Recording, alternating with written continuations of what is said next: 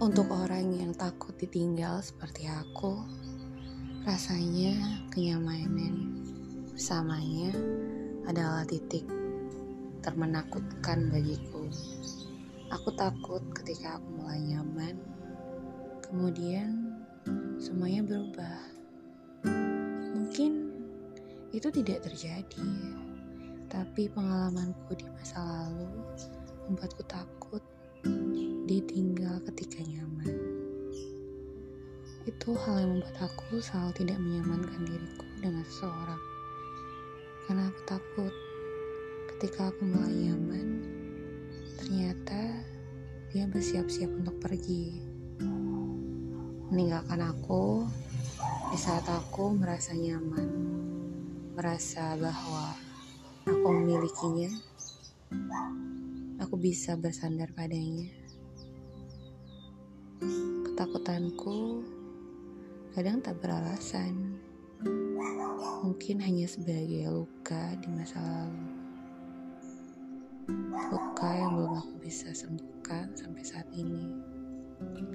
Sehingga aku tidak bisa melepaskan rasa nyamanku ketika aku benar-benar menginginkan seorang.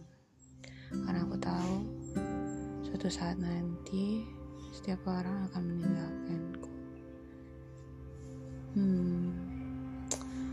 Sebenarnya sih nggak gitu ya. Ya kita harusnya meraksak, melak, namanya, merasakan apa yang saat ini terjadi. Namun, aku tipikal orang yang susah melupakan ketika aku mulai menyayangi seseorang.